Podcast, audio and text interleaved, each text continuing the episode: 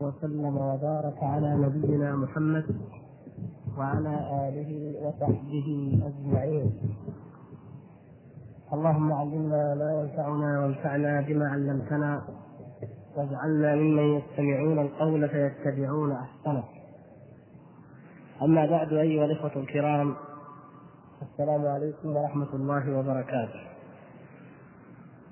ونحن ما زلنا في شرح الفقرة الخامسة والأربعين التي مضمونها كما تعلمون الحديث عن الألفاظ المحتملة. الألفاظ التي تحتمل معنيين أحدهما حق والآخر باطل وهذه الألفاظ لم ترد في الكتاب ولا في السنة. وسبق أن تحدثنا عن لفظ الحج وعن الأركان والأعضاء والآن نتحدث عن لفظة الجهة. فهذه اللفظة لفظة الجهة كلمة الجهة من الألفاظ التي لم يرد في الشرع نفيها ولا إثباتها في حق الله تبارك وتعالى. وفيها الاحتمال المذكور فيما قبلها. فنرجو إن شاء الله أن نفهمها ونستطيع اليوم إن شاء الله تعالى أن نكمل هذه الفقرة لننتقل بعد ذلك إلى باب جديد أو مبحث جديد من مباحث العقيدة وهو مبحث الأمور الغيبية الغيبيات التي يسميها علماء الكلام السمعيات.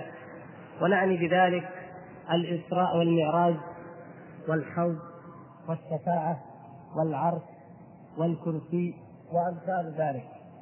وهي بلا شك أهون وأيسر في الفهم مما سبق من موضوعات كما تعلمون فيها بعض التعقيد نتيجة تأثرها بعلم الكلام أو بالفلسفة. أي إننا عندما نضطر أن نرد عليهم كما سبق فإننا ندخل في شيء من التعقيد. لكن مباحث الأمور الغيبية التي تسمى السمعيات هذه لا نحتاج إلا أننا نفهم الأحاديث الواردة فيها والآيات ونراجع شروحها شروح الأحاديث أو كتب التفسير فنسأل الله سبحانه وتعالى أن يعيننا وإياكم وأن يرزقنا الفهم إنه على كل شيء قدير. تفضل.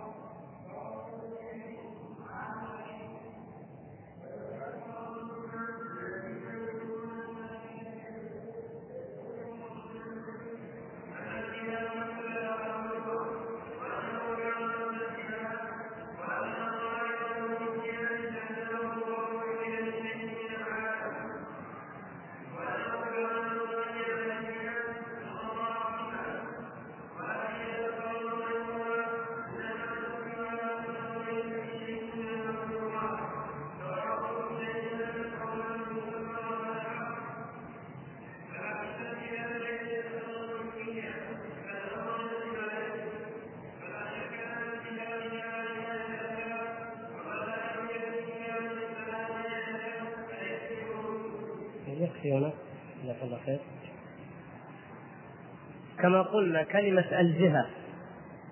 إذا قال المؤمن السني الذي يتبع السنة ومنهج السلف الصالح إذا قال إن الله سبحانه وتعالى فوق المخلوقات أو قال في السماء كما جاء ذلك في القرآن والسنة يأتيه المجادلون من أهل البدع فيقولون له أنت تثبت لله جهة أو أنت تثبت لله مكان. يلزمك من هذا أن تقول إن الله له مكان أو إن الله له جهة. ونتيجة لذلك هم يقولون نحن ننفي الجهة عن الله تبارك وتعالى. الكلمة كما مر معنا هي كلمة محتملة. كلمة فيها لبس فلا بد من التفصيل لنعرف المعنى الصحيح والمعنى الحقيقي وأيضا نعرف المعنى الباطل أو الخطأ لهذه الكلمة. فإذا قال أحد إن الله تبارك وتعالى له جهة قلنا ماذا تريد؟ بقولك إن الله له جهة. فإن قال أنا أريد العلو أنا أريد أن أقول إن الله سبحانه وتعالى عال على المخلوقات. وهذا يرد هذه الكلمة ترد في بعض كلام السلف في بعض كلام الأئمة من السلف. يقولون نعم لله جهة. يقصدون ماذا؟ العلو. يقصدون جهة العلو أي أنه فوق المخلوقات. فنقول لمن يقول ذلك نقول قولك إثباتك للعلو هذا حق. وهذا صواب لكن كلمة الجهة تحتمل معنى آخر يلزمك به أهل البدع فلا تقول لا تستخدم هذه الكلمة وقل هو فوق المخلوقات كما أخبر سبحانه وتعالى. وإن جاء أحد وقال ليس لله جهة قلنا ماذا تريد بذلك؟ فنفس الشيء إن قال أريد بذلك أن الله سبحانه وتعالى لا يحصره شيء وأنه فوق كل شيء وأعظم من كل شيء ومحيط بكل شيء قلنا هذا المعنى حق. لكن هذه الكلمة ليس له جهة يستخدمها نفاة العلو فيقولون ليس له جهة أي إنه ليس فوق المخلوقات. فإذا تلتبس تلتبس الكلمة فإذا لا تستخدم هذه الكلمة الملتبسة وإنما استخدم الألفاظ الشرعية التي لا إجمال فيها ولا لبس فيها. أظن بهذا الشكل تتضح لديكم إن شاء الله واضحة. وإن كان في كلام الشارح هنا نوع من الغموض سوف نبينه إن شاء الله. لكن المهم أن تفهموا المراد. المراد هو أن هذه الكلمة هي لها هذان الاحتمالان. ونتيجة لذلك لا نقولها لا نفيا ولا إثباتا وإنما نقول هو فوق المخلوقات وهو القاهر فوق عباده يخافون ربهم من فوقهم. هكذا أخبر الله سبحانه وتعالى. أو هو في السماء كما قال تعالى أأمنتم من في السماء؟ أو كما قال النبي صلى الله عليه وسلم للجارية أين الله؟ قالت في السماء. وهكذا الأمثلة الكثيرة. والمقصود أن موضوع آه، العلو موضوع العلو وموضوع الاستواء والرد على الأقوال فيه وتفصيل ذلك تفصيلا شاملا كافيا هذا يأتي إن شاء الله تعالى في الفقرة الحادية والستين. يعني بالنسبة للطبعة التي عندي آه، صفحة 251 ويستمر إلى 266 الفقرة الحادية والستين. فهذا موضوع سيأتي هناك مفصلا إن شاء الله. ومن أراد منكم زيادة في الإيضاح الآن فليراجع ذلك إن شاء الله حتى يفهم الموضوعين مع بعض. لكن موضوعنا هنا اليوم هو فقط آه الاستدلال على أننا لا نستخدم الألفاظ المجملة الاصطلاحية وإنما نستخدم الكلمات الشرعية الواردة في الكتاب والسنة. هذا إن شاء الله. فيقول الشيخ وأما لفظ الجهة فقد يراد به ما هو موجود وقد يراد به ما هو معدوم. لفظ الجهة يراد به شيء موجود ويراد به شيء معدوم لا وجود له. لاحظتم؟ ومن المعلوم أنه لا موجود إلا الخالق أو المخلوق.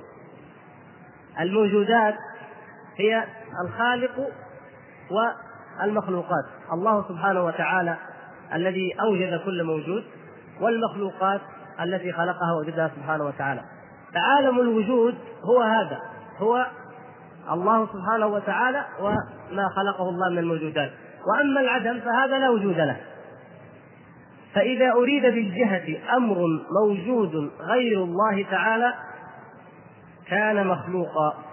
والله تعالى لا يحصره شيء ولا يحيط به شيء من المخلوقات تعالى الله عن ذلك.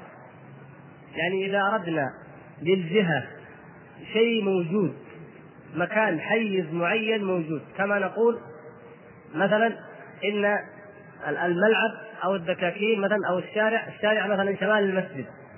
نقول جهة المسجد من الشمال. نقصد لما أقول لك جهة المسجد من الشمال يعني أقصد الأرض أو أقصد الشارع أو الشيء الذي هو شيء موجود يقع جهة المسجد شمالا أو شرقا أو غربا. فإذا أردنا شيء وجودي مكان معين أو حيز معين فقلنا مثلا بالنسبة لله سبحانه وتعالى إن الله في جهة. ونقصد بالجهة حيز معين. هو مثلا القسم الأعلى من الكون. الجزء الأعلى من الكون. فهل نقول إن الله في جهة؟ يعني معنى أنه في شيء من الكون تعالى الله عن ذلك علوا كبيرا. لا يمكن بأي حال من الأحوال أن يكون أو يصح أن يقال إن الله سبحانه وتعالى يحصره شيء أو يحده شيء من مخلوقاته. لأن هذه المخلوقات جميعا ما هي في قبضته سبحانه وتعالى إلا كالخردلة في يد الإنسان ولله المثل الأعلى. فعلى أي اعتبار نظرت فهو فوقها وهو أعظم منها. ونحن إذا أردتم إيضاح ذلك أو شيء من الإيضاح فتأملوا هذا العالم الذي نعيش فيه الآن العالم الدنيوي. نحن الآن على هذه الأرض وأمامنا نرى أو فوقنا نرى السماء الدنيا. السماء الدنيا هذه هي أقرب السماء إلينا. أو هي التي نراها ونرى العالم الذي داخلها. هذه السماء الدنيا هي بالنسبة للسماء الثانية كحلقة ملقاة في فلاة. والثانية وضمنها طبعا الدنيا بالنسبة للثالثة كذلك كحلقة ملقاة في فلاة. ثم العرش كل هذا العالم بالسماوات السبع آه، الكرسي الكرسي ليس العرش فكل هذه بالنسبة للكرسي كحلقة ملقاة في فلاة ثم الكرسي بالنسبة للعرش كحلقة ملقاة في فلاة والله سبحانه وتعالى أكبر وأعظم من العرش ومن كل شيء. فكيف تتصورون حالنا في هذا الكوكب ونحن في هذه الأرض التي لا تكاد تكون بالنسبة إلى عالم السماء الدنيا إلى الكون المنظور لنا نحن إلا هباء أو ذرة. كما تعلمون وفيكم من درس أو أو تقدم في دراسة الفلك أو الجغرافيا الفلكية لو نظرنا إلى ما يقوله هؤلاء الذين لا يؤمنون من علماء الجغرافيا لا يؤمنون بأن السماوات سبعا ولا يؤمنون بوجود الله سبحانه وتعالى أو لا يتعرضون لهذه القضية لا يتعرضون لقضية أن هناك إله أو لا يوجد إله. لكن يتحدثون عن هذا الكون. وأكثرهم أو إن شئت فقل كلهم لا يؤمنون أصلا بأن هناك شيء اسمه السماء الدنيا. لأن المسألة عندهم نظرة مادية فقط. وبالنظرة المادية بالتلسكوب المنظار المقرب المكبر الذي يمتد عبر المراصد إلى آفاق الكون ينظرون ولا يرون إلا فراغ. هم كما يتخيلون يتخيلون أن السماء لا هي إلا فراغ وليس هناك جرم محسوس مخلوق يقال له السماء. هكذا أكثرهم.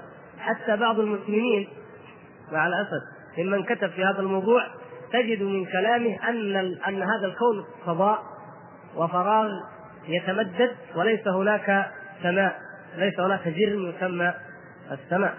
ونحن بطبيعة الحال ما دمنا عند قضية وجود السماء. نحن ديننا الكتاب والسنة قطعية واضحة في إثبات أن السماء جرم حقيقي موجود. لأن ما معنى سبع سماوات طباقا؟ ما معنى حديث الإسراء والمعراج؟ وسيأتينا إن شاء الله في الدرس القادم أن النبي صلى الله عليه وسلم يصعد إلى السماء الدنيا ويستأذن ملائكتها. وهو جبريل ثم يصعدون إلى التي فوق ثم إلى التي فوق. فهي أجرام حقيقية. بل في القرآن كما يقول الله سبحانه وتعالى يوم تكون السماء كالمهل والمهل هو الرصاص المذاب. كما ورد في تفسيرها المقصود أن المهل هو الزيت السائل المعروف عند العرب.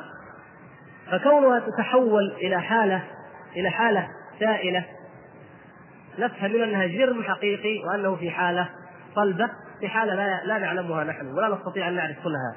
إلا أننا نفقه نفقه ونعلم أن هذه السماء جسم أو شيء موجود حقيقي جرم حقيقي موجود موصوف لنا كما وصفه الله في القرآن وكما وصفه النبي صلى الله عليه وسلم في الأحاديث وليس مجرد فراغ أو هواء ننظر إليه ونظن أنه لا نهاية له. ولهذا بعض الناس يقولون هذا الكون اللانهائي. هذه العبارة صحيحة؟ ما هي صحيحة، السماء الدنيا لها نهاية بل الكون كله كل المخلوقات لها نهاية، فكيف بهذه الدنيا التي هي محوية في السماء التي فوقها وبما هو أعظم من ذلك وهو الكرسي وما هو أعظم من ذلك وهو العرش. فإذا نحن نثبت السماء. نقول الذين خاضوا في مسألة نفي آه، علو الله سبحانه وتعالى بحجة أنه يلزم من ذلك جهة تحصره أو مكان يحويه من هذه الدنيا. هؤلاء مساكين جدا بالنظرة إلى العلم الحديث. فما بالك بالنظرة إلى الكتاب والسنة؟ أي أنه بالعلم الحديث الذي ليس فيه إثبات للسماء الدنيا هذه يقولون هذا الكون فيه سعة وفيه امتداد لا يستطيع العقل أن يتخيله ولا يدري أين جهاته ولا يدري أين نهايته. وكما تعلمون أن الأرض هي مثل الهباء بالنسبة إلى هذا الكون الكبير جدا. فمن أي جهة من الأرض انطلقت المركبة الفضائية مثلا فإنها تحتاج إلى أن تقطع في أعماق هذا الكون تقطع وتقطع حتى تكل أو تنتهي أو لا تصل وما يزال الفضاء أبعد وأوسع مما تتخيل وكما تعلمون نتيجة لضخامة وكبر هذا الكون الهائل العظيم يكتشفون ماذا؟ هل يكتشفون كوكب؟ هل يكتشفون نجم؟ يعلنون انهم اكتشفوا مجرة. ما معنى مجرة؟ المجرة تحوي ملايين من النجوم. وما معنى النجم؟ النجم الشمس مثلا هي من أصغر النجوم في الكون والشمس تتبعها المجموعة الشمسية كما تعلمون. فإذا كان إذا كانوا يكتشفون بعد الحين والحين مجرة والمجرة فيها ملايين النجوم والنجم آه، أكبر من الشمس بأضعاف. ومع ذلك هذا النجم له كواكب وله توابع كثيرة قد تبلغ أحيانا عشرات أو أكثر. فكيف تتخيلون ضخامه هذا الكون؟ حتى قال بعضهم إنهم مثل ان اناس محصورين في سور كانوا محصورين في سور معين أخذوا يعالجون الباب حتى فتحوه. لما فتحوا الباب وإذا في سور آخر وفيه باب فقالوا متى ما فتحنا هذا الباب نصل للنهاية. كلما فتحوا الباب يكتشفوا انه محيط بهم مدينه كبيره جدا وأن السور الذي كانوا فيه ضيق جدا بالنسبة إلى ما يفتحون. فكلما تقدم العلم يفتحون باب جديد فيكتشفوا أنهم ضاعوا وفي النهاية أصبحوا عاجزين. وصنعوا مراصد ضخمة جدا لكنها تكل تماما. وترجع إليهم وهي حسيرة. وهي كثيرة لا تعرف هذا هذه السماء الدنيا ولا تدري أين نهايتها. فسبحان الله إذا كان هذا عجزهم عن السماء الدنيا عجزوا عن تصورها وهم بهذا العلم وهذه المراصد. فما بالكم بكلام علماء اليونان الذين يقولون إنه ليس آه، آه، لا داخل العالم ولا خارجه لأنه لو قلنا إنه فوق للزم أن يكون في جهة وهذه التي أخذها علماء الكلام ومنكرو العلو. أي جهه أين أنتم من من فهم ومن معرفة هذا الكون؟ كانوا يعتقدون أن السماء هذه مشابهة للأرض أو قريبة للأرض في حجمها. وأن النجوم والكواكب هي مثل القناديل المعلقة في هذا المسجد مثلا في أي مكان. هكذا كان تصورهم الذين نفوا علو الله ونفوا صفات الله عز وجل. والآن أصبح العلم الحديث يعجز ويحار في فقه ذلك ومع ذلك لا يستطيع أن ينفي أي شيء. لا يستطيع لأنه لا لم يفقه هذه الحياة الدنيا ولا هذه السماء الدنيا. أصبحوا لا يستطيعون آه، أن يوجدوا لغة يفهمونها للأطوال وللأبعاد الكونية يعجزون ولذلك تجدون أن الأبعاد الفلكية تختلف جدا عن الأبعاد المعروفة لنا على الأرض. نحن نقيس المسافات مثلا بيت بالميل بالكيلو كم تبعد عنك مثلا أمريكا؟ يقول مثلا 10000 كيلو 8000 كيلو نقيس بالكيلو. لكن علم الفلك يستخدمون الكيلو؟ ما يمكن. كيف شيء لا يمكن لا يمكن كتابة الأرقام أو الأصفار لو أنهم استخدموا الكيلو. ولهذا يقيسون المسافات بأي شيء. نعم. أيوه السنة الضوئية. السنة الضوئية كم؟ كم يقطع الضوء في الثانية؟ طيب ثلاثمائة ألف. اختلفتوا ولا متفقين؟ يعني الآن كل ما تتقدم الأجهزة يمكن يطلع يعني أحيانا تختلف الأرقام. المقصود أنه 300 ألف كيلو في الثانية. يعني مثلا نضرب لكم مثال. القمر كم يصل يستغرق نوره حتى يصل إلى الأرض؟ تقريبا يعني. ها؟ دقيقتين. ليش؟ كم المسافة بيننا وبينه؟ ثمان دقائق؟ لا. ثانية واحدة تقريبا. القمر ثانية واحدة تقريبا لأنه القمر يبعد تقريبا 300 ألف كيلو. فالقمر في ثانية واحدة يصل نوره. للأرض. لكن الشمس كم يصل نورها إلى الأرض؟ تبعد ثمان دقائق لأنها تبعد قريب من 93 مليون ميل. كما يقول يعني أرقام تقريبية. فإذا كان نور الشمس يصل إلينا في ثمان دقائق. يعني 93 مليون ميل من أميالنا المعروفة على الأرض آه، يقطعها الضوء في ثمان دقائق. آه، آه، هذه ثمان دقائق. احسب كم الساعة.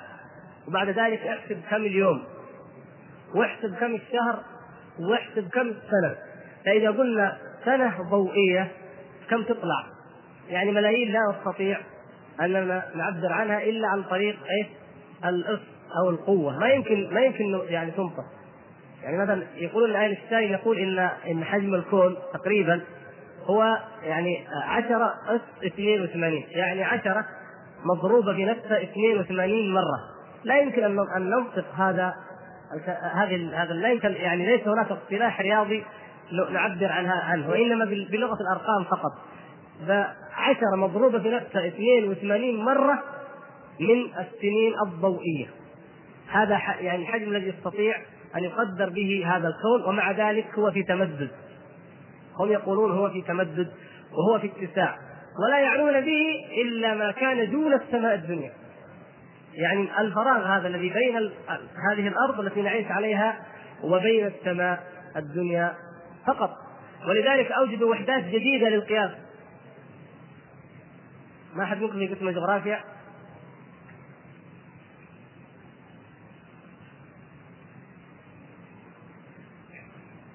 هذه العلوم يا إخوان علوم مفيدة هي من علوم التوحيد المساعدة ان صح التعبير. يعني لو أننا لو أن فينا من يتقن هذه العلوم لو أن أحدا منكم يلقي محاضرة لنا جميعا عن هذه الأمور يلخصها من أي كتاب من كتب الفلك التي تعتبر آه، متأخرة لأنه في كل سنة سنتين تقريبا تتغير حتى يعطينا فكرة حتى نعرف عظمة الله سبحانه وتعالى. لأننا نحن تعجز عقولنا عن تصور عظمة الكون. ثم تجد من يخوض في عظمة الله ويقول يلزم أن يكون في جهة وأن تخلو منه باقي الجهات. سبحان الله العظيم ما أجهل الإنسان. أنت لا تعرف هذا المخلوق فكيف تتكلم بالخالق وتقول يلزم ويلزم وهذا الكلام لو قلته في حق المجموعة الشمسية أو في غيرها لا سخر منك الناس. فضلا عن الكون فضلا عن خالق هذه الأكوان جميعا. فالعرش ما بالك؟ هل يستطيع خيالنا؟ ان يتصور العرش أو حقيقته؟ فنقول يعني مجرد لو أحد منكم يعطينا فقط محاضرة عن هذا الموضوع وبالذات عن الوحدات وحدات الطول الفلكية. وكيف اننا لا نستطيع أن نعبر عنها بالألفاظ أو بالمصطلحات الرياضية وإنما نعبر عنها بالأرقام فقط الكتابية. لا نريد فقط المعرفة والمعرفة شيء مطلوب وطيب لكن لنصل من هذه المعرفة إلى اليقين إلى اليقين إلى المعرفة الأولى والأهم وهو معرفة عظمة الله سبحانه وتعالى وأن يعرف المخلوق قدره ويعرف ضعفه ويعرف عجزه هذه النجوم هي تعيش أو كما يقال يقدر اعمارها بملايين ملايين من السنين. ومع ذلك كما تعلمون كل شيء هالك إلا وجهه سبحانه وتعالى. هذا النجم الذي يبقى ملايين وينطفي ويعتبر هلك أو مات أو تقطع أو تناثر في الفضاء. الإنسان المسكين هذا كم يعيش؟ كم معدل حياة الإنسان في هذه الدنيا؟ يعني ستين سنة تقريبا. معدل ستين سنة لا تساوي بالنسبة إلى هذه الأبعاد الكونية أي شيء. ما هي ستين سنة؟ ما تساوي شيء مع هذه الملايين. حتى يقال إنه بعض النجوم كالشعرى مثلا وأنه هو رب الشعرى يقدر بعد الشعرى عنا بحوالي ستة ملايين سنة ضوئية. يعني بمعنى لو أن الشعرى انطفأت في هذه اللحظة بعد ستة ملايين من السنين يعني نعرف نفقد نورها. أو بعد كم؟ وهي قد انطفأت فعلا لكن لأن النور يستمر في في المجيء ستة ملايين سنة ضوئية. أرقام عجيبة. لو تأمل الإنسان وجد كم عمر هذا الإنسان؟ كم علم هذا الإنسان؟ كم يتكبر ويتجبر على الله عز وجل ولم يكتفي بالتطاول على أوامر الله وعلى نواهي الله وعلى محاربة الله والجرأة على حدود الله حتى أصبح يتكبر على في في صفات الله عز وجل. وفي ذات الله عز وجل يتكلم فيها ويخوض وينفي ما ينفي ويثبت ما يثبت. ومع الأسف حتى بعض العلماء. في شيخ كتب كتاب اسمه إيش؟ هموم داعية. هموم داعية. يقول ما دام إنه الكون بهذا الأبعاد وبهذا الناس اكتشفوا علم الفلك ما في داعي نخوض نحن ولا نتكلم في العلو ولا في الفوقية ولا في الاستواء. وينقد مذهب السلف بناء على أن الفلكيون توصلوا إلى آفاق جديدة في علم الفلك. فيا سبحان الله يعني ما وصلوا إليه هو دليل لمذهب السلف أم دليل عليه؟ لو تأملنا. إنسان غاية ما عنده يقول لك أنا حايل. يقولون نحن لا نستطيع أن نصنع تلسكوب قطره أكثر من ثمانية أمتار. يعني هذا من ناحية فنية يقول لا يعني شيء صعب جدا. أن يصنع تلسكوب قطره أكثر من ثمانية أمتار. ويضعونه على أعلى الجبال ثم يمدونه ويقولون ما ما, ما انتهى الكون إلى شيء ما يزال فراغ.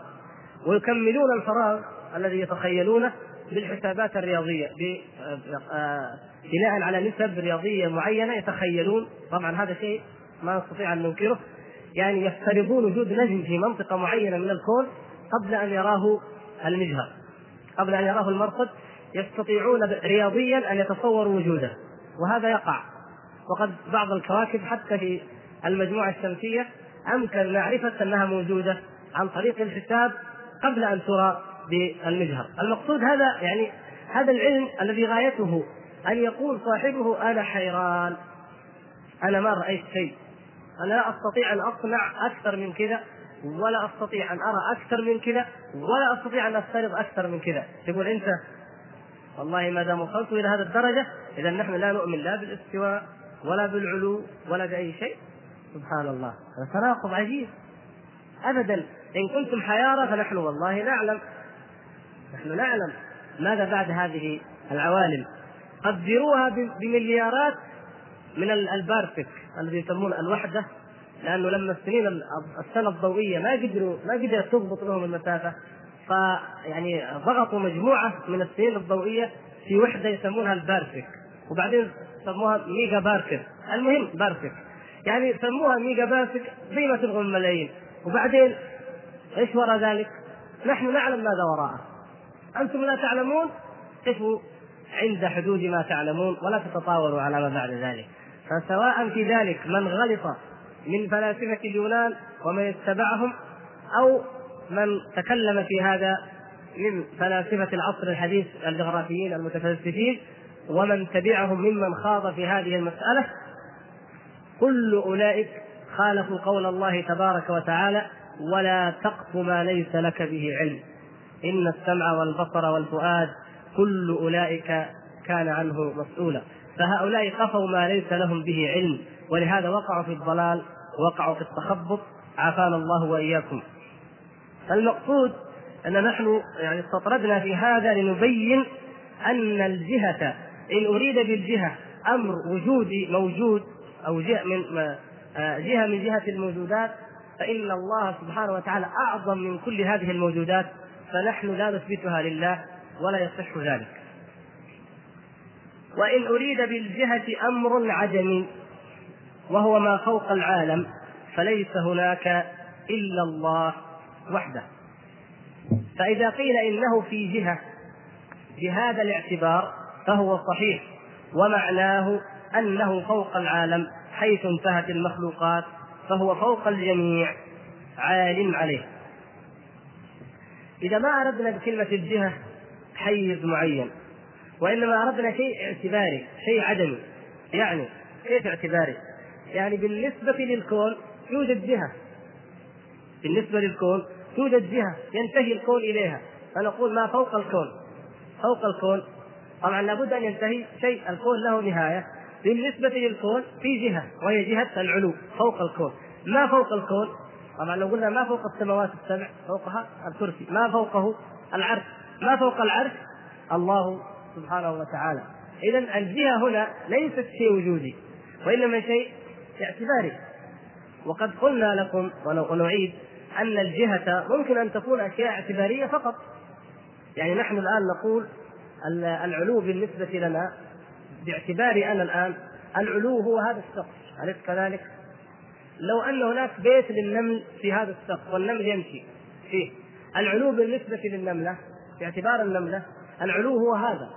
فإذا نظرنا إلى الجهة ليس على أنها اسم للسطح ولا على أنها اسم للأرض ولا اسم لهذه الذات مجرد شيء اعتباري يعني باعتبار شيء معين يوجد جهه فإذا قلنا باعتبار الكون وأنه كله ضئيل وحقير بالنسبة لله تعالى باعتبار الكون هل هناك جهة لله سبحانه وتعالى؟ نقول جهة إيش؟ الفوق. نعم جهة الفوق يعني أن الله تعالى فوقه. كيفما تخيلناه فالله عز وجل فوق هذا الكون. هذا هو المقصود. يقول ونفاة لفظ الجهة نفاة الاحتمال الصحيح الذين يريدون بذلك نفي العلو الذين ينفون الجهة وقصدهم نفي العلو يذكرون من أدلتهم أن الجهات كلها مخلوقة. لاحظتم؟ هنا التناقض. يقول وكيف نثبت لله جهة؟ هذا في جميع كتب الأشعرية والمعتزلة تقريبا. يقول وكيف نثبت له تعالى جهة؟ وهو موجود قبل الجهات وهو الذي خلق الجهات وهو الذي لو قلنا بإثبات جهة للزم أن أن يكون شيء من العالم قديم وأشباه ذلك. إذا هم يتكلمون عن الجهة باعتبارها إيش؟ شيء وجودي باعتبارها حيز معين في طرف من أطراف الكون. وهذا من من ضعف الخيال الإنساني ومن قصور العقل البشري.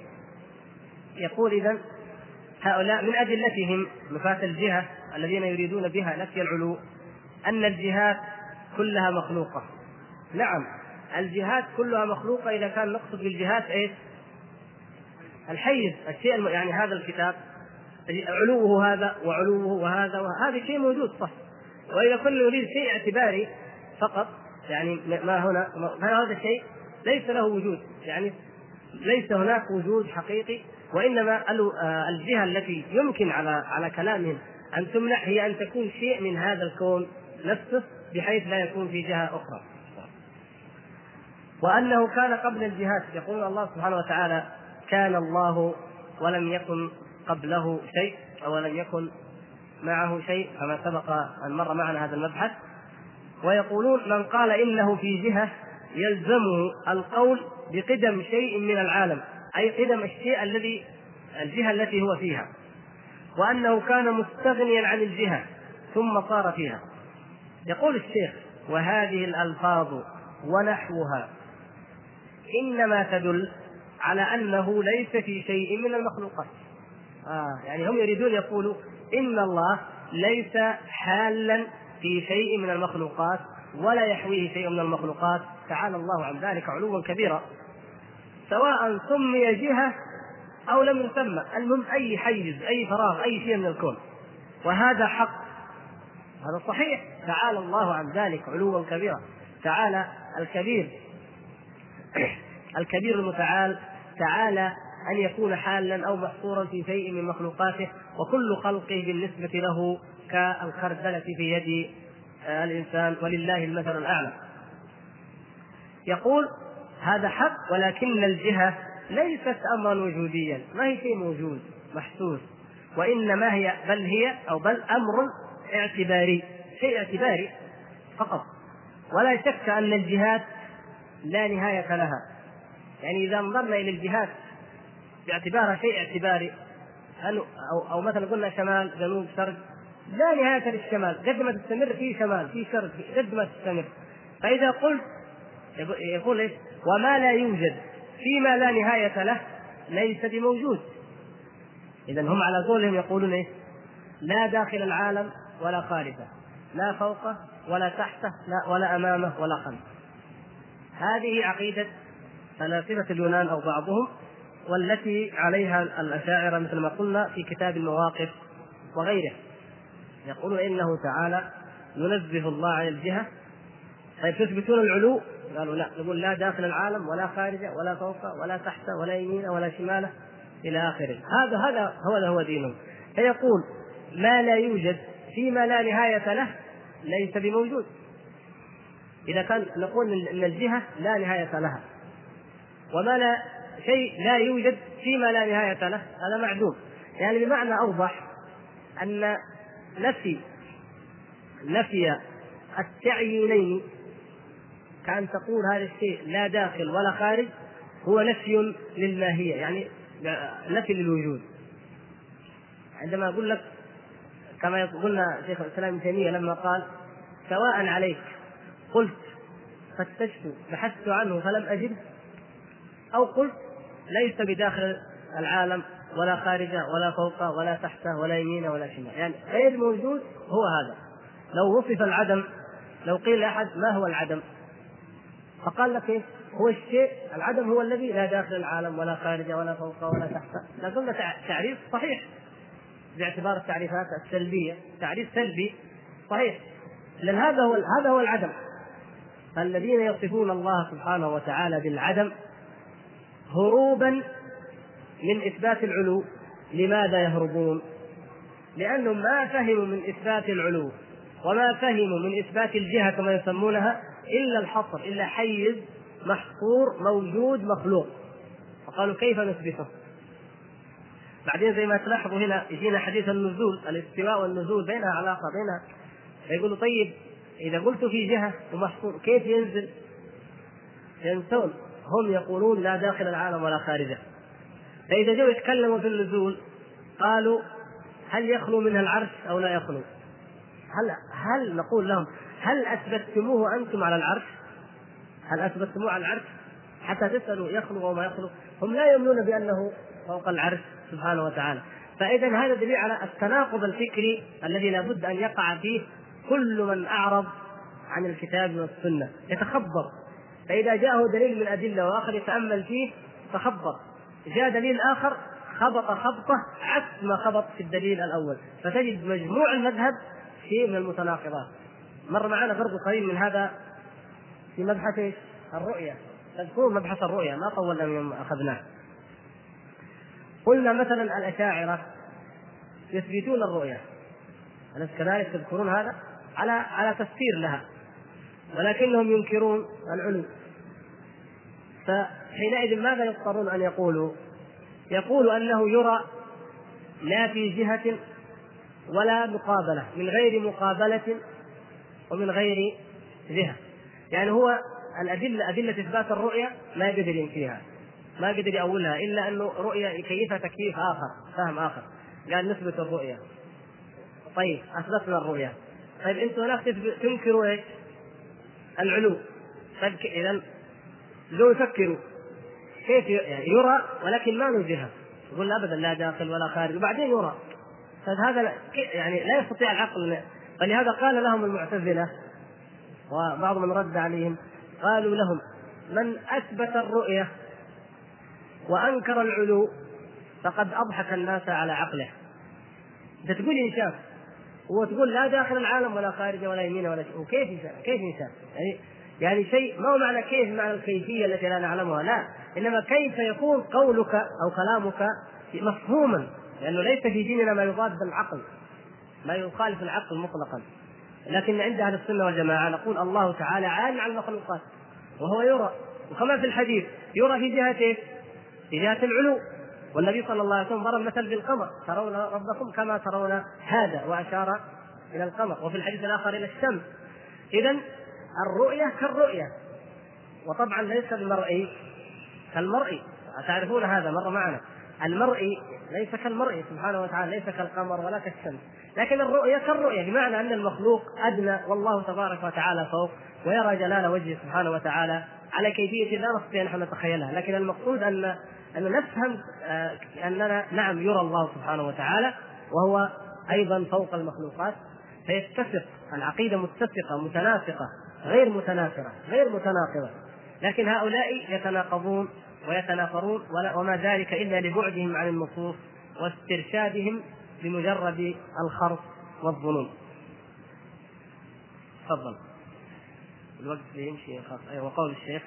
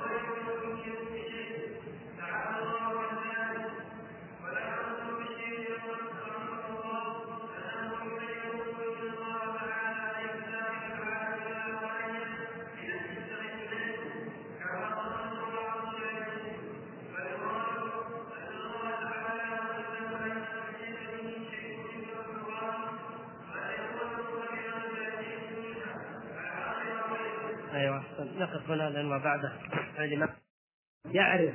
يقول لك أنا أنا أعرفك أين الشيء أين فقدته من الذي اخذه من أتى عرافا أو كاهنا لم تقبل له صلاة أربعين يوما. وفي الحديث الآخر وكلاهما صحيح من أتى عرافا أو كاهنا فصدقه بما يقول فقد كفر بما أنزل على محمد. إيش الفرق بين الحديثين؟ الأول من أتى عراف راح شباب قاعدين. قالوا في واحد يطلع الأشياء خلينا نروح نشوف. ما هو قضيه إنه مصدق ولا مكذب بس نروح نشوف نجلس معاه. أعطاه جمهور. يشوفه واحد آخر يقول والله شفت فلان راح يروح. وهذاك راح بنية إنه يشوف لكن الثاني راح بنية أن يعتقد وأن يصدق ما يشوف مثلا. المهم إنه راح مجرد أن ذهب لم تقبل له صلاة أربعين يوما. لكن راح بعدين صدق بما يقول فهذا كفر بما أنزل على محمد ليس مؤمنا بما جاء به محمد صلى الله عليه وسلم طيب معنى الحديث؟ كيف نفهم الحديث هذا؟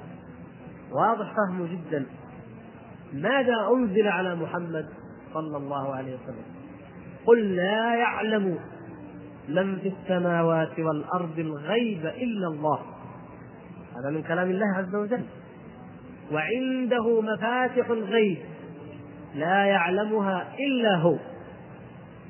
هذا مما أنزل عليه. وهو صلى الله عليه وسلم قال بل كما ذكر الله عز وجل عنه في القرآن ولا أعلم الغيب. ولو كنت أعلم الغيب ولو كنت أعلم الغيب لاستكثرت من الخير. وما مسني السوء. إذا علم الغيب لا يعلمه إلا الله عز وجل. هذه من أجلى وأوضح العقائد التي يجب على كل مسلم أن يعتقدها. أن الغيب لا يعلمه إلا الله عز وجل.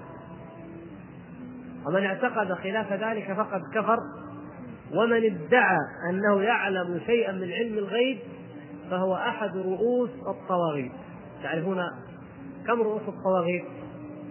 خمسة أحدهما أحدها أحد الخمسة من ادعى شيئا من علم الغيب يقول كان أعلم الغيب أنا أطلع على الغيب إذا الحكم معروف إن شاء الله عندكم لكن بقي في ذهنكم شيء مشكل هو طيب كيف جاب الشنطة؟ كيف جاب الذهب؟ مع أننا عرفنا أنه هذا هذا يعني كفر الذهاب إليه آه، يحبط الصلاة لا تقبل الصلاة أربعين يوم وتصديقه كفر. طيب ما بس كيف جاب الشيء الضائع؟ نعم هذا هو السؤال. والإجابة عليه ليست بمشكلة لو أننا فهمنا واستوعبنا ما معنى أنه لا يعلم الغيب إلا الله وما معنى أن الله سبحانه وتعالى يبتلي العباد ليرى هل هم صادقون في هذا الاعتقاد أم لا. كل الناس أي واحد من من الرازق. يا أخي الرازق الله.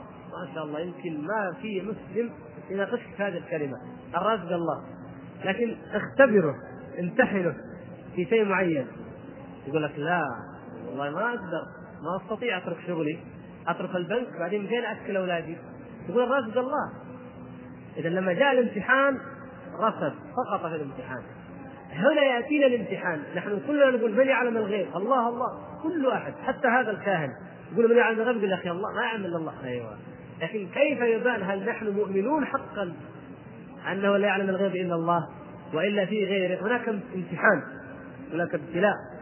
ومن ذلك الابتلاء ومن ذلك الفتنة التي جعلها الله سبحانه وتعالى ما ما أخبر به النبي صلى الله عليه وسلم في الحديث الصحيح حديث الشهاب أنه ينزل يصعد الشياطين الجن يصعدون فيلتقطون السمع من السماء فينزل عليهم الشهاب الثاقب فيدركه الشهاب فقد قد لا يدركه الشهاب إلا بعد يكون يكون قد ألقى كلمة إلى وليه من الإنس.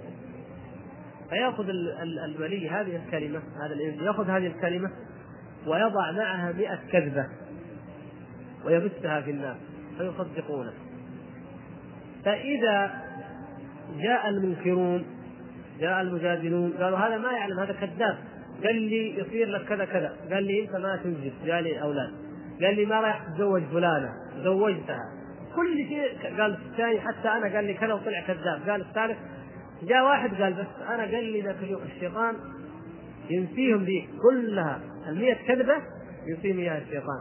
يمسك ذيك اللي وقعت. قال لي أيوه شفت بس ذاك اليوم قال كذا. آه صح خلاص. فينشر هذا الشيء بينهم ويخليهم ينسوا ينسوا ما كذب فيه وما يفتكروا ذيك التي وقعت وهي فتنة وهي ابتلاء. هذا الرجل أنا أقول إنه إذا حصل أن إنسانا من هؤلاء من هؤلاء الناس بلغ أخبر في الشرطة عن ضياع المال ثم وجده عند هذا الكاهن فأنا أقول عليه أن يمسك هذا الكاهن ويقيم عليه دعوة في الشرطة. هو سجل القضية عند الشرطة إنه ضاع مني شنطة أو ذهب. والآن هذه الشنطة جات. فين لقيتها في بيت فلان. تعال يا فلان. هنا تطير الجن كلها تطير الشياطين تماما. تعال من أين جاءت الشنطة؟ هذا هو السؤال. حينئذ سيعرف إذا وضع في الزنزانة يوم يومين ثلاثة أيام سيكتب لك الاعتراف يخبرك كيف سرق الشنطة. ما في ما في. هو الذي سرقها. كيف؟ عن طريق أحد أوليائه. من الجن أحد اوليائه من الإنس ما يهم. لكن هو يريد أن يتخذ من شنطتك هذه ذريعة لأنك أنت رايح تقول للناس ما شاء الله رجعت رجعت فلوسك وكيف رجعت رحت لفلان اذا خلاص وهذه رحت اذا انتهينا. اذا ما دام في واحد يطلع الأشياء هذه ليش ال ال ال الشرطه الشرطة الجنائية في العالم كله تتتبع المجرمين؟ ليش إدارة المخدرات تجيب اجهزه وطائرات واستكشاف وكلاب وكل شيء للشمس نجيب واحد من هذول نحطه في المطار يريحنا من كل الشغلة هذه. يقول هذه فيها حشيش وهذه ما فيها حشيش. يرتاح ما في داعي نجيب كلاب. نجيب هذا. وفي عندنا هؤلاء الذين هم كلاب حقيقة. لأنهم يأكلون أموال الناس وياكلونها بالسحت ما في داعي لأي شيء. يا أخي في قضايا أهم من كذا. تعال. الآن الجهاد قائم في أفغانستان والأمور زي ما أنت شايف. جيب لنا خطط الروس. كيف يخططوا؟ أخبرنا فين مخازن الألغام حتى نفجرها. يعني دلنا على حاجة يعني ما شطارتك ما تجي إلا في شنطة واحد ضعيف تطلعها ما تحطها مع الكفار ما تحطها مع لو فكرنا بهذا النظر نجد إن هذا كلام تافه وهزيل ولا يصمد أمام النظر السليم وأمام الاعتقاد الصحيح ابدا. فهو يسلط عليها أحد أوليائه من الإنس أو من الجن ويجيب هذا. من أجل أن ينصب من هذا الإنسان فخ وشرك. زي الطعم. يوضع في الفخ يدفن الفخ. يوضع الطعم يجي أي طائر ينقر يمسكه فيقوم هذا يقول للناس الحمد لله رجعت الشمس الحمد لله الحمد لله. بعدين؟ كيف رجعت؟ عن طريق فلان. الجيران والأعمام والأخوان والزملاء اللي اللي يقولوا والله متأسفين وأبشر. اللي قالوا ندور اللي قالوا نتوسط لك عند الشرطة تبحث مضبوط اللي قال كذا. كلهم اللي صلهم الخبر يجيهم الخبر ثاني مرة الشنطه طلعها الولي فلان إذا خلاص كل هذول اعتقدوا في الولي فيكون عشان حتى لو أعطاه بلاش حتى لو أعطاه فلوس يكفي انه يعمل له دعاية كبيرة والدخل رايح يجيه والفلوس رايح يجيه ولهذا قلت لكم هؤلاء الناس دائما متخفين دائما ليش ما يظهروا طيب ما دام عندهم شيء؟ ليش ما يظهر؟ إيش إيش المانع إنه يظهر؟ المانع إنه يتاجر في أفخم شقة في أفضل موقع في البلد ويحط لوحة كبيرة من ضيع شيء يجي، إيش المانع ما دام شيء على برهان؟ مين يمنع؟ خلاص. وتروح يروحوا الناس يدوروا له. عارف إنه كذاب. كذاب السارق يسرق في الظلام عارف إنه نهاب. ويعرف أنه لص ويا ليت التلصص هذا على أموال الناس فقط. بل والله ان اللص الذي يتحين الظلام ويقذف من فوق الأسوار أو ينهب من الجيوب انه أخف شرا وإثما وبلاء من هذا الذي يترصص بهذه الحيل لأنها كفر لأن هذا كفر وردة فيؤدي إلى إلى أن يكفر الناس وأن يرتدوا وأن يكذبوا ما نزل ما أنزل الله سبحانه وتعالى على رسوله من أجل أن يصدقوه. لماذا هذا إن كان يعلم الشنطه ويجيب ويجيب الفلوس لماذا لا يعلم أن الشرطة أو الهيئة تقبض عليه؟ ما يكاد يمر أسبوع بالذات في جدة ما شاء الله إلا تمسك الهيئة واحد من هذا أسبوع أسبوعين لو بس في كل شهر يمسكوا واحد. طيب ما دام تدري عن فلوس الناس اللي ضاعت ليش ما تدري إن الشرطة جايت أو الهيئة بالداعم بيتك ويمسكوه والحريم عنده. والرقى والتعاويذ والشخصفات عنده وكتب السحر عنده. مكان لو يدري لو يعلم مكان يرمي الكتب يبعدها يطلع الحريم. عشان لو يقول ما عندي شيء أنا قاعد في بيتي ابن الحلال مسكين لكن يداهمون ويمسكون الأشياء كلها موجودة. أين علم الغيب؟ أين الولاية؟ وهو أحوج. الإنسان الذي عنده نفع أحوج شيء نفسه. وأولى الناس أن ينفعهم أو يدفع عنهم نفسه. لكن لا. ونحن لو جبنا حرامي شاطر مضبوط حقيقة. وسرق عليه شنطة والله ما يقدر يرجعها. يروح هو إلى الشرطة يقول ضاع ضاع هذا الرجل لو سلط الله عليه حرامي مضبوط فعلا والله لا يدري من هو. ابدا. لكن لأنه تسلط على الضعفاء والحمقى من باب الجهل. وما أكثر ما تسلط علينا. الشيطان كيف يجينا؟ يجي ناس من باب الجهل. يجي ناس من باب الشهوة. يجي ناس من باب حب الترفع يجي ناس من باب الشهرة. يعني حبائل حبائل ينصبها الشيطان لكل واحد. فنسأل الله أن يعيذنا وإياكم من حبائله. هذا استخبط كما ذكر الأخ والبيضة وأمثال ذلك هو يعمل هذه الأمور يعملها للشياطين. والشياطين يوحون إليه ويلقون إليه إما عن طريق أنهم هم مباشرة يسرقون الشيء فيأتون به إليه ويستطيعون ذلك. وإما أن يكون بهؤلاء له أولياؤهم مبثوثون إنه يراكم. هو وقبيله من حيث لا ترونهم فقد يرون إنسانا وهو يعمل أي عمل والآخر لا يراه. يجي واحد يقول له أخذها واحد صفته كذا وكذا وكذا. يصادف إنه أحد اوليائه في ذاك الوقت كان في ذلك البنك في ذاك البيت وشاف اللص لما أخذ. وقال إنه عليه كذا غسرة وجهه كذا عنده كذا. ما هو غير؟ ما هو غير. بعضهم في الدول التي الأمور فيها مكشوفة بعضهم تدخل عنده أنت ما تتكلم تدخل عنده. يقول أنا أعرف أنت اسمك فلان ابن فلان من بلد كذا واسمك كذا وشغلك كذا وظيفتك كذا. فالواحد يستسلم خلاص. لكن اسئله بعدين ثانية كذا أنت أو أمور خاصة لا يمكن أن يجيب عليها. لكن الاسم وهذا الشيء كيف؟ لأنه ممكن عن طريق أولياء من الجن الذين موجودين هنا الذين مبثوثين عن طريق التعاون فيما بينهم. اذا إذا وجدت وسيلة محسوسة ما في غير. كما لو أنا قاعد هنا وجاء واحد من أمريكا صحيح هو جاء من أمريكا اليوم بس أنا اتصلت بالتليفون في أمريكا قالوا في واحد جاي في الطيارة بيعمل في شركة كذا واسمه كذا وكذا بما في الجواز مثلا. سويت نفسي اللي شاطر عليه وهو ما يدري. لكن أنا اتصلت ما هي ما هي غير فهؤلاء أيضا لهم اتصال لكن اتصالهم بحسب عالمهم. عالم مجهول لنا لا نعلمه. لكن فيه أشياء عادية في هذا العالم الغيبي عالم الجن فيه أشياء عادية جدا. من ذلك أن بعضهم يطير في السحاب كما أخبر النبي صلى الله عليه وسلم. يطيرون يقطعون المسافات. بعضهم يصل إلى أجواء الفضاء التي تعجز عنها مثلا المراكب الفضائية وغير ذلك. اذا هؤلاء لديهم عالم آخر لديه وسائل غير وسائلنا فهم يوحون إلى أوليائهم الذين يسجدون لهم ويتعبدون له وهذا شيء معروف ومشهور. وأكثر من واحد منهم أخ قابلني قبل أيام. قال لي إنه يعني يمكن بعضكم الآن كان معي لما قال لي هذا الكلام. نذكره حتى يعني تبين القضية. يقول إن الشيطان يأتيه والحمد لله أنه عرف أنه شيطان ياتيه ويقول له اسجد لي. هو بين اليقظة والنوم يرى شيء قدامه يقول اسجد لي والعياذ بالله. أو خذ المصحف وبل عليه عافانا الله وإياكم والعياذ بالله من ذلك. وأنا أخليك تعلم كذا وتطلع على كذا وتعرف ويعده بوعود يعده باماني في احلام هذا الحمد لله أنه ثابت الحمد لله رغم صغر سنه وقوي ايمان نسأل الله أن يثبته وإياكم جميعا. ونحن. فيعني قال لا أن لا أفعل هذا الشيء ولا يمكن أن أفعله. والحمد لله يقاوم هذا ويأتي مرات وهو يقاومه. هذا الشيطان لو جاء إلى إنسان ضعيف ايمان بس ما تبغى إلا سجود بسيطة. ما دام بيصير عنده هذا الشهرة وهذا. اسجد وخلاص. فانتهي الأمر.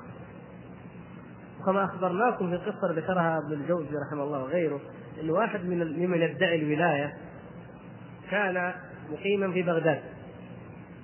فكان يقيم في بغداد إلى يوم التروية. فإذا كان يوم عرفة حج مع الناس. كيف هذا؟ قالوا هذا الإمام هذا قطب من أصحاب الخطوة. يقولون الصوفية يقولون الأرض خطوة لأولياء الله.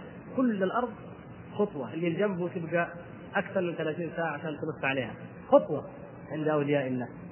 فالشيخ هذا تكرت هذا منه وشهدوا ناس كثير إنه نشوفه يوم الترويه يوم ثمانية الحجة في بغداد ونشوفه يوم عرفة في عرفة. ناس في عرفة شهدوا ناس في بغداد شهدوا. كيف هذا؟ لما جاء يموت هذا الشيخ القطب قال لولده أنا بموت. أوصيك بالشيء اللي أنت اللي أنا يعني ينقلني من هذا الشيء. وقال لقنه لقنه ذكر معين من أذكارهم هذه اللي مثل هذا يقول الأخ شخبطه وكتب أذكار معينة ادعيه استغاثات بالجن لكن قد تكون باللغة السريانيه السريانيه السريانيه لأن السريانيه مذهب أدبي. باللسان السرياني بالنون. فقد تكون بالعبرية مثلا. استغاثات ودعوات. المهم قال له الطريقة إذا قلتها ياتيك مثل الجمل. اركب عليه. ويوصلك إلى عرفة.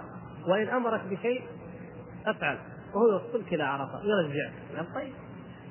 الولد فجاء لما جاء الحج أعلنوا أن الخرقة ورثها الابن كانوا يعني يورثون الخرقة ومشيخة الطريقة.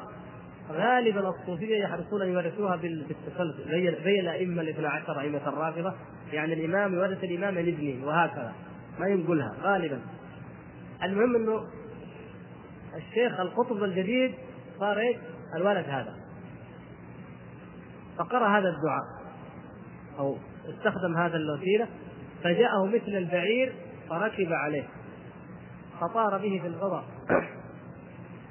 فلما كان في وسط صحراء جزيرة العرب بين بغداد ومكة نزل البعير نزل ونزله قال اسجد لي. كيف اسجد لك؟ قال اسجد لي. قال أعوذ بالله أن أسجد لغير الله. قال عنده إيمان. فطرة طيبة. قال أعوذ بالله أن أسجد لغير الله. قال اسجد فابى قال إنما كنت أنقل أباك لأنه كان يفعل هذا معي. والعياذ بالله. فقال إذا كان أبوه يفعل هذا فهو كافر وأما أنا والله لا أسجد لغير الله. فإيش ثوابه؟ إن كيد الشيطان كان ضعيفا. ما يقدر يسوي شيء. قال أتركك في هذا المكان وأمشي. قال اتركك بس. فتركه. فبقي حتى كاد أن يهلك من العطش وجاءه ناس من البدو فأخذوه.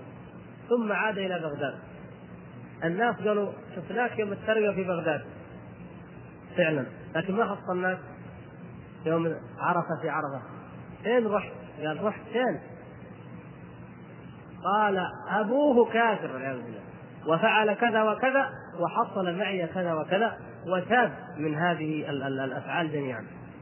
وغير ذلك يعني أشياء تقع مثل هذا.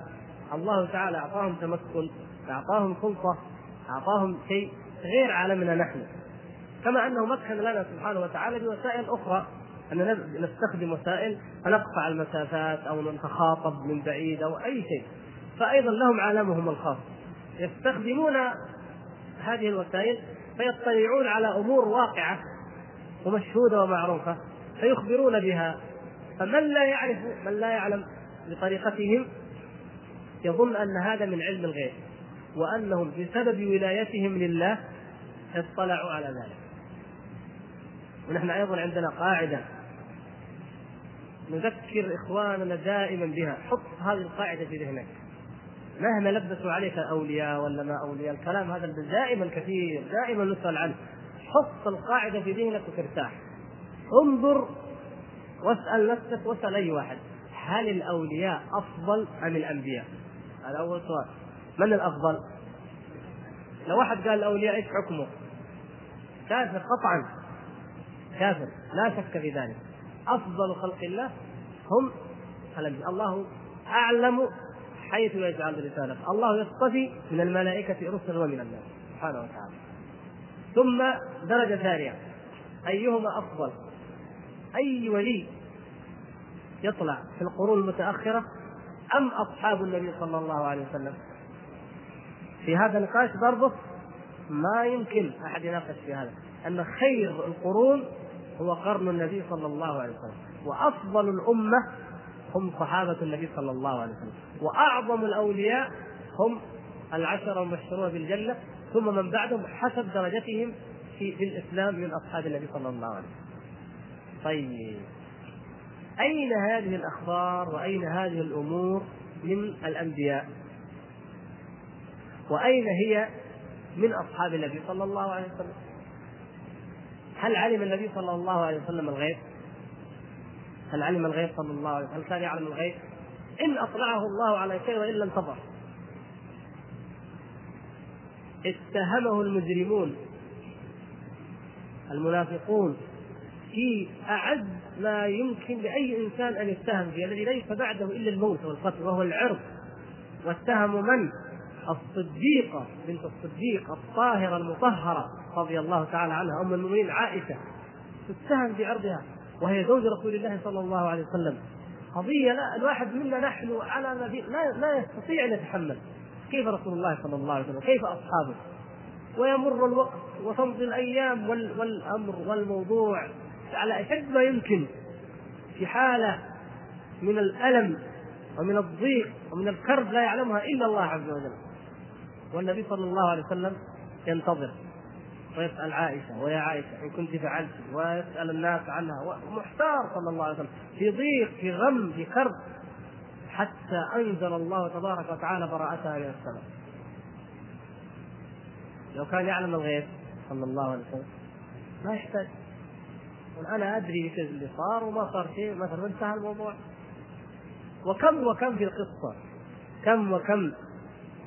سبعون في الحديث الصحيح الثابت سبعون من خيار أصحاب النبي صلى الله عليه وسلم من القراء الذين بلغوا من العلم وبلغوا من القراءة ومن السابقة بالإسلام ما يغبطهم عليه بقية الصحابة. جاء قوم من جهة غطفان وقالوا يا رسول الله نحن آمنا بك وأسلمنا فابعث معنا من يعلمنا الدين.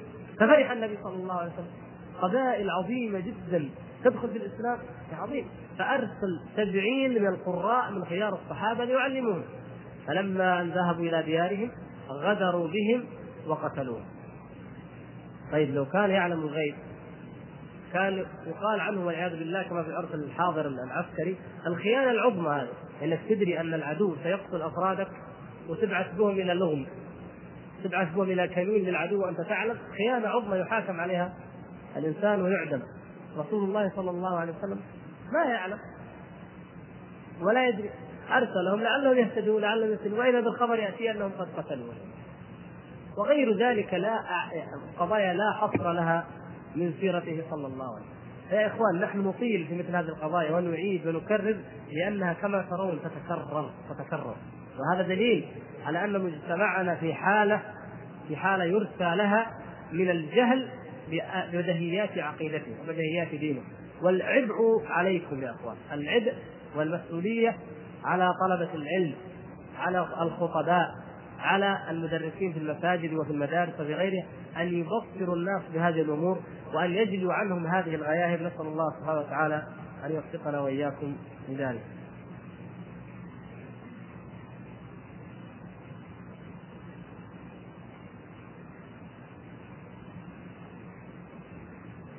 الأخ يقول مهم جدا تابع لقضية الكهنة والعرافين. فبعضهم يخدع الناس بالقرآن وتلاوته أمام هذا الرجل فهذا خداع منهم مثل ما ذكر الله عنهم في القرآن وكذلك حديث الرسول صلى الله عليه وسلم. الأخ يعني نبهنا إلى أنه بعضهم تدخل عليه حط يقرأ القرآن المصحف جنبه. هذا العبادة هذا الخشوع الكاذب. لأنه هذا الفخ إذا نوقف الفخ زي ما قلت. لو وراك الحديد وال, وال... لا لا ما ما حد يوقع في الفخ لكن يجيب طعام لذيذ يجيب شيء منظر طيب ويسويه من بعيد توقع حتى توقع. فيتظاهر بالتقوى يتظاهر بالزهد بتلاوة القرآن. يمكن يقول لك أنا صايم اليوم يجيب لك شاي تبغى تشرب شاي أنا اليوم صايم. ما في داعي يقول لك إنه صايم لكن عشان يبرهن لك إني إني ولي وإني طيب. زي ما قال بعضهم حدثنا أحد الإخوان عن بعض منهم يقول كان يتكلم مرة عن عن الصوفية وعن يعني ما تفعله. فواحد منهم يقول شيخ كبير يعني يقول أنا إذا إذا رحت اطوف عند البيت والله العظيم قاعد يحلف إني أتضايق لما أشوف النساء متبرجات. هذا الحقيقة شيء يضايق الإنسان. فيقول يعني سبحان الله إيش الداعي ان الواحد يأكد هذه القضية؟ ما في واحد إلا لكن يبغى يقول له إيش؟ أن ما نتهم به اتهام الصوفية أنهم يخلون بالنساء أو بالمردان ويفعلون. إنه يعني أنا أتضايق جدا في الطواف. يعني معناه في بيتي لا يمكن يحصل اختلاط. يقول أنا متعجب ليش يكرر هذه القضية علي ويحلف الأيمان. فهؤلاء هكذا يتظاهرون دائما عافانا الله وإياكم ليخدعوا الناس. برضو القضية نرجع لها ولا بلاش؟ يقول أخ هل نتعالج عند الفقهاء؟ من بعض الأمراض كفقد الشعور مثلا؟ فقد الشعور اللي هو يعني الغيبوبة مثلا فقد الشعور ولا ولا تفقد الشعر؟ هؤلاء اللي يسمون الفقهاء أو الأولياء إن كان يعالج بالأعشاب فقط بما يسمونه الحكمة أو الطب اليوناني فقط أعشاب زي ما هذا يسمى حكيم أو طبيب أو عطار. هذا ما فيها شيء. يعني أشياء مادية. أما إن كان يقول لك من القرآن يروح يشخصب لك ويكتب أدعية وأشياء ومعها آية الكرسي يقول لك شوف هذا من القرآن. آية الكرسي من القرآن لكن الشخابيط هذيك ما هي من القرآن. هذا لا تنخدع جزاك الله خير. هؤلاء يخدعون ويكذبون على الناس.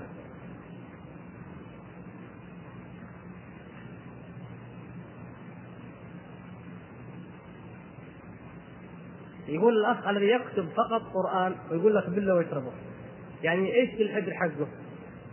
إذا كان قضيه قضية قرآن أنا بدي أكتب آية الكرسي وبالله واشربها ليش أروح عنده ويكتب لي آية الكرسي؟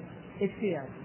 لكن هو ليس فقط هذا يريدون شيء آخر وإلا هذه نفس الكتابة في إناء وردت عن بعض السلف بعض العلماء لكن الأولى أن نجتنبها حسما لمادة الابتداع إنما القضية ما هي قضيه إننا ما نروح عنده عشان يكتب الآيات القرآن بين أيدينا والكتبه كثيرون هل يقبل مني إني اكتبها أنا بنفسي؟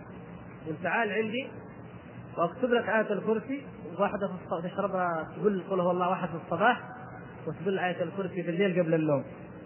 آه. ليش عندك وليش في الصباح وليش قبل النوم وليش؟ فهذا هو الذي يدل على أن الأمر فيه شيء آخر ليس مجرد أنهم أطباء.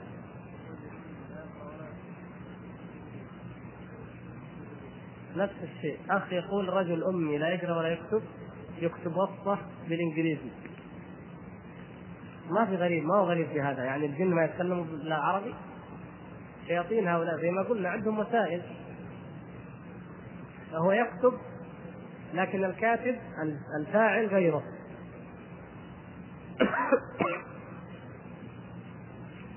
كل هذا من الدجل يعني. يعني لا مهما تكتبون ومهما تقرؤون فالدجل لا يتناهى.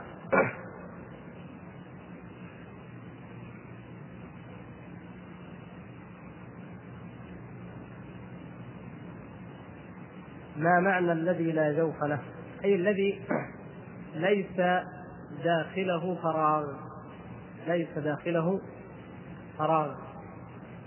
بعض العلماء قال في قوله تعالى الله الصمد قال الصمد الذي لا جوف له.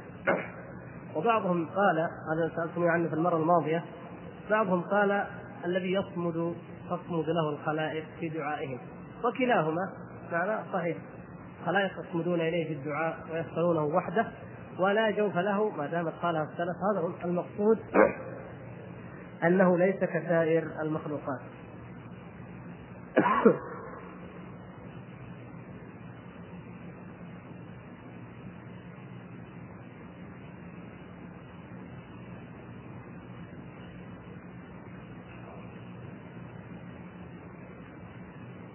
شيء عجيب يعني بعض الأسئلة نسأل الله العفو والعافية.